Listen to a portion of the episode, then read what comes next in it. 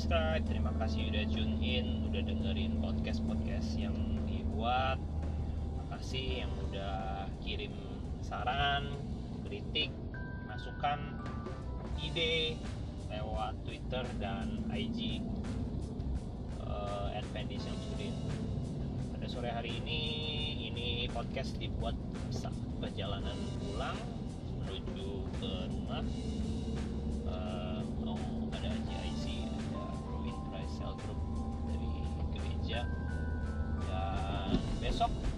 ada hari libur hari Idul Adha ya hari raya kurban. Buat setiap kita yang mungkin merayakan saya mengucapkan selamat hari raya Idul Adha semoga setiap ibadah setiap apa yang kita tabur untuk membantu sesama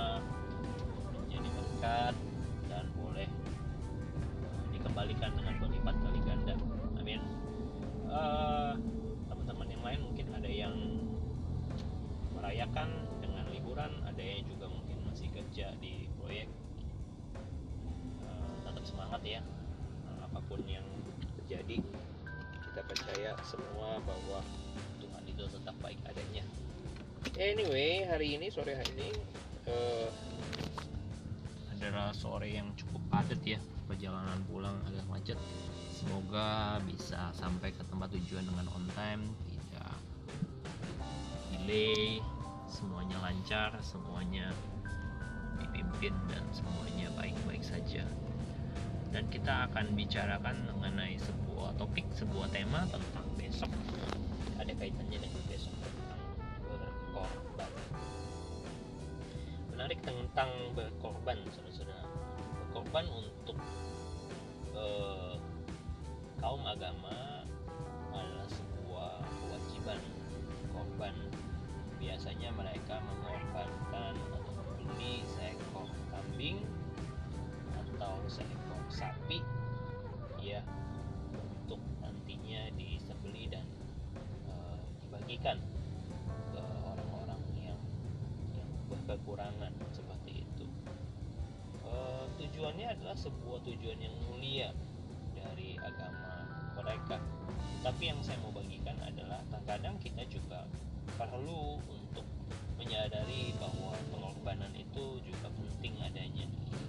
ketika kita mengasihi pasti kita akan berkorban. Ada sebuah quotes yang baik dan bagus ditulis. Saya pernah baca you can give without love but you cannot love without give. Artinya saudara bisa saja memberikan tanpa saudara punya rasa kasih atau cinta. Tetapi saudara tidak mengasihi atau mencintai tanpa saudara memberikan sesuatu. Jadi dikatakan di sana kasih itu adalah identik dengan memberi. Kasih itu identik dengan berkorban. Kasih itu identik dengan memberikan sesuatu. Nah, mari kita pilih dari apa yang kita lakukan sehari-hari dalam kegiatan agama, dalam kegiatan pelayanan, dalam mungkin dengan satu dengan yang lain, dengan orang yang kita kasih, dengan keluarga, dengan orang-orang yang terdekat sama kita. Kalau kita banyak berkata bahwa saya mengasihi, maka coba kita meng-cross check dengan apa yang sudah kita lakukan, apa yang sudah kita beri, apa yang sudah kita korbankan. Seringkali orang mengatakan bahwa saya mengasihi tetapi dia tidak mau berkorban dia tidak mau memberi Banyakkan sekarang saat ini hubungan pun menjadi kacau karena seperti itu. Banyak orang mengklaim di uh, artis-artis di televisi saya sudah banyak uh, melakukan segala sesuatu saya banyak saya mengasihi dia. Tetapi sepertinya saya tidak mendapatkan sebuah pemahaman yang sama.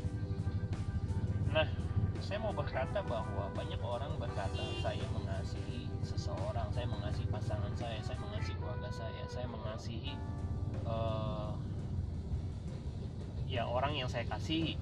Tetapi sedikit bisa membuktikan apa yang dikatakannya dengan mengasihi dengan perbuatannya. Banyak orang mengasihi tetapi tidak berkorban tidak mau memberi tidak mau memberikan sesuatu yang dimiliki. Mungkin perhatian bukan hanya uang ya. Memberi ini bukan hanya uang memberi itu juga perhatian bicara tentang waktu memberi juga bicara tentang sebuah uh, kasih sayang gitu ya. Jadi bukan identik dengan hal yang bersifat materi. Uh, bukan uh, sebuah hadiah bukan sebuah semata-mata tentang hal fisikal tetapi bicara juga uh, affection sebuah perhatian sebuah kasih sayang sebuah kepedulian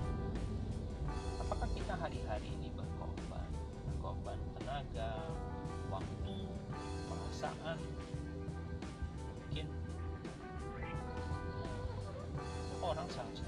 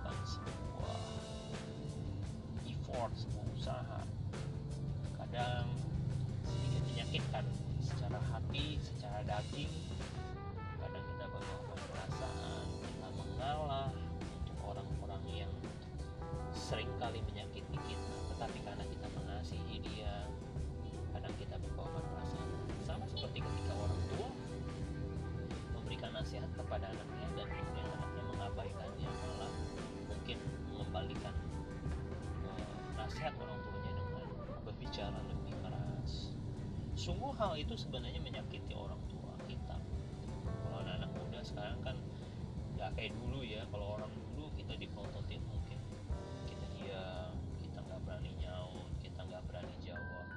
Tapi anak-anak saat sekarang ini ya ketika kita orang tua ngomongnya 10 10 patah kata maka anak-anak menjawab dengan eh, 15 sampai 20 kata kata. Jadi lebih banyak. Well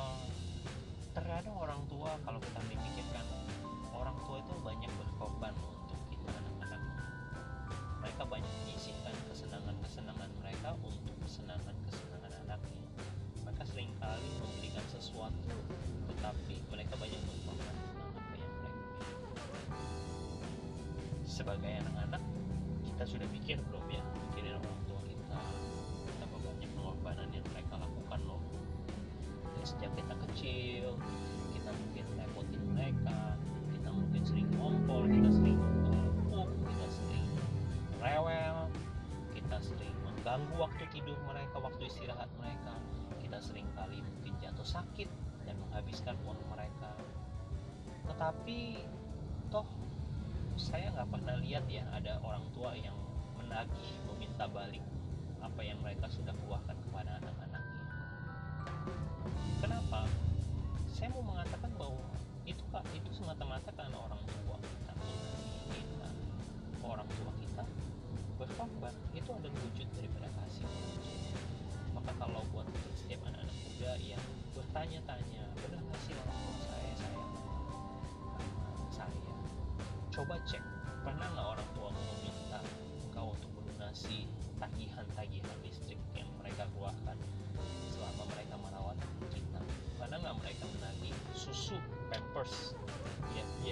biaya selama kita masih kecil.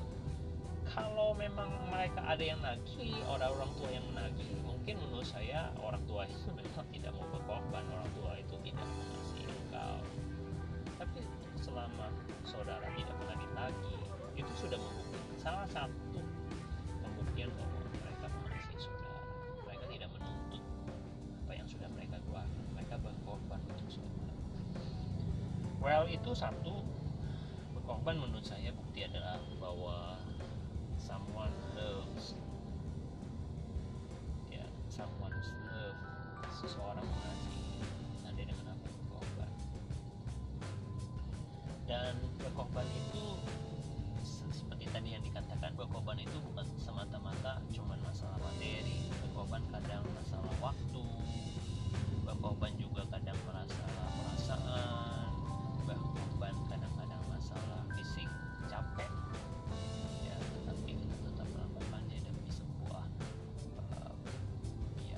kasih gitu ya kasih ya kalau kita melihat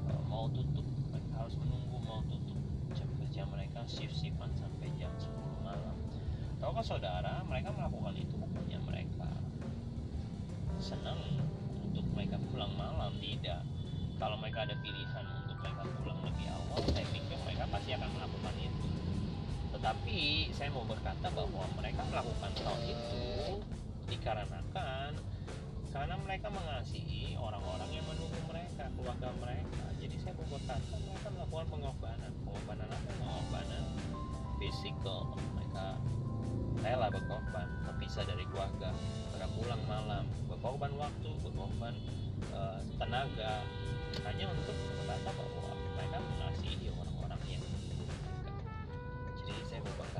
pengorbanan itu bukan semata-mata masalah ini saja tapi berkorban itu bisa dalam bentuk bentuk yang lain seperti berkorban waktu perasaan korban tenaga ya seperti itu kira-kira um, hal lainnya tentang berkorban.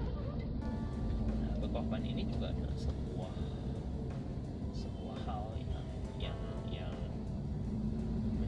sebuah hal yang yang saya boleh berkata adalah sebuah ciri bahwa kasih yang sejati adalah kasih yang mau berkorban nah sering kali kita tidak bisa membedakan mana kasih yang sejati.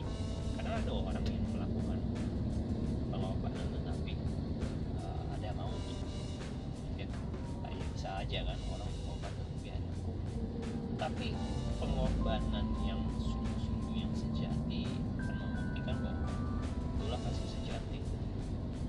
caranya gimana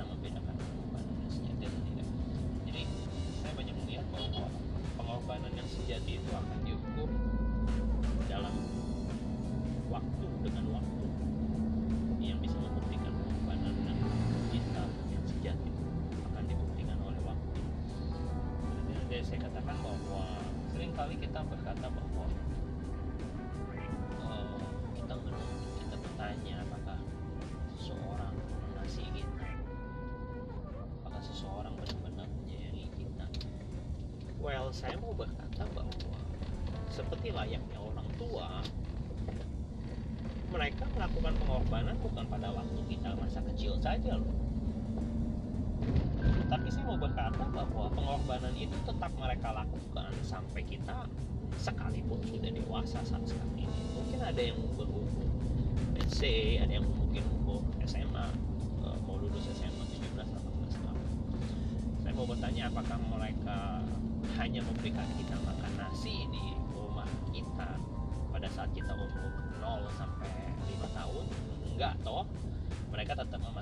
nasi mereka tetap membeli beras mereka tetap melakukan segala sesuatunya mereka tetap menganggap engkau dan ya engkau dan anak-anak yang lain sama.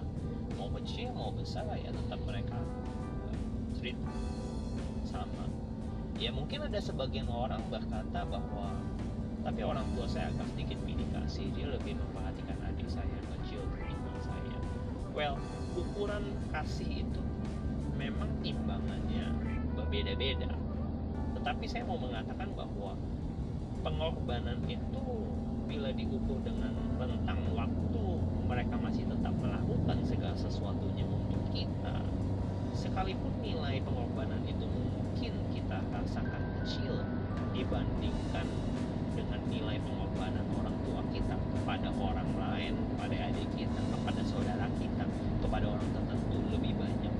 Tapi buat saya saya tetap mengklasifikasinya itu sebagai sebuah yang sejati. Ya memang kita tidak pernah lahir di dalam sebuah keluarga yang benar-benar sempurna bisa menerapkan kasih itu. Saya lahir dengan keluarga yang ya kalau boleh saya mengatakan bahwa papa dan mama saya tidak bisa mengatakan I love you all the time. Ya sering kali saya diomelin sering kali saya dimarahin sering kali saya juga mendapatkan hukuman-hukuman kenakalan remaja saya pada waktu remaja. Saya pernah diskors di sekolah dan saya diomel-omelin saya dimarah-marahin. Tetapi buat saya secara pribadi ketika saya mengingat hal tersebut dulu pada saat saya dimarahi saya berkata bahwa orang tua saya tidak mengasihi saya. Kenapa mereka memarah-marahi saya? Kenapa mereka tidak melakukan sesuatu yang saya berpikir mereka sayang sama saya tetapi ketika saya merefleksikan hal tersebut saat ini saya boleh berkata bahwa orang tua saya sebenarnya memang benar-benar mengasihi saya. For true ya untuk hal yang benar-benar saya boleh katakan dengan jujur saat ini saya mengatakan bahwa ketika orang tuamu masih ngomelin kita marahin kita itu tanda bahwa mereka masih peduli dan sayang sama saudara. Jangan berpikir secara negatif mereka cerewet mereka banyak campur mereka banyak uh, ya ruin our life dengan nasihat mereka dengan apa pun yang mereka ngomongkan terkadang kita berpikir orang tua kita old fashion bebal ya mungkin uh, udah udah zaman dulu jadul. Mereka tidak se, se, sebintang saudara. Mereka tidak mengejar pendidikan setinggi saudara. Tapi saya mau berkata tetap sebuah hal yang krusial bahwa kasih itu juga mendidik kasih itu juga uh, mendisiplinkan. Justru aneh ketika seseorang yang uh, bersikap uh, inappropriate tidak benar tidak sesungguhnya tidak tidak di dalam koridor tetapi orang tuanya justru mendiamkan seperti yang saya dulu berpikir bahwa mestinya orang tua saya jangan terlalu banyak bicara jangan terlalu banyak ngomel-ngomel jangan terlalu banyak memarah-marahin saya. Justru saya boleh berkata bahwa untung orang tua saya ngomelin saya. Jadi saya tahu di mana letak kesalahan saya. Dulu saya juga punya guru fisika ya. Ya guru SMA fisika. Kalau memang ada yang kenal saya sejak uh, di sekolah saya mungkin tahu siapa yang saya maksud. Guru fisika itu punya sebuah hal yang yang unik ya. Saya masih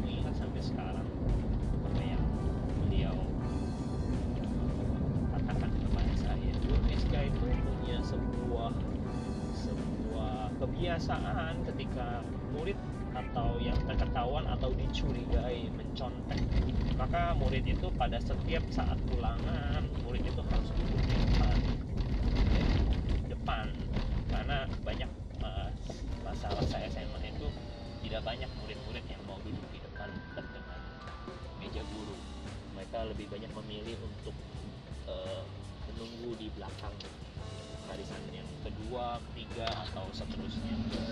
Ya, sampai saat sekarang ini saya juga heran. Mungkin nanti perlu dibahas di dalam discussion selanjutnya. Kenapa murid-murid atau orang-orang Indonesia lebih senang uh, mengosongkan barisan uh, kursi yang pertama dan yang kedua. Ya, ya saya pernah duduk di deretan uh, bangku ketiga dan pada saat itu mungkin mata saya memang kurang begitu baik bisa melihat ke arah papan tulis dan ketika saya ya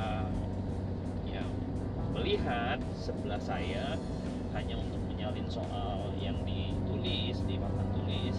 Kemudian guru fisika itu menegur saya dan nyonteknya dan lain sebagainya.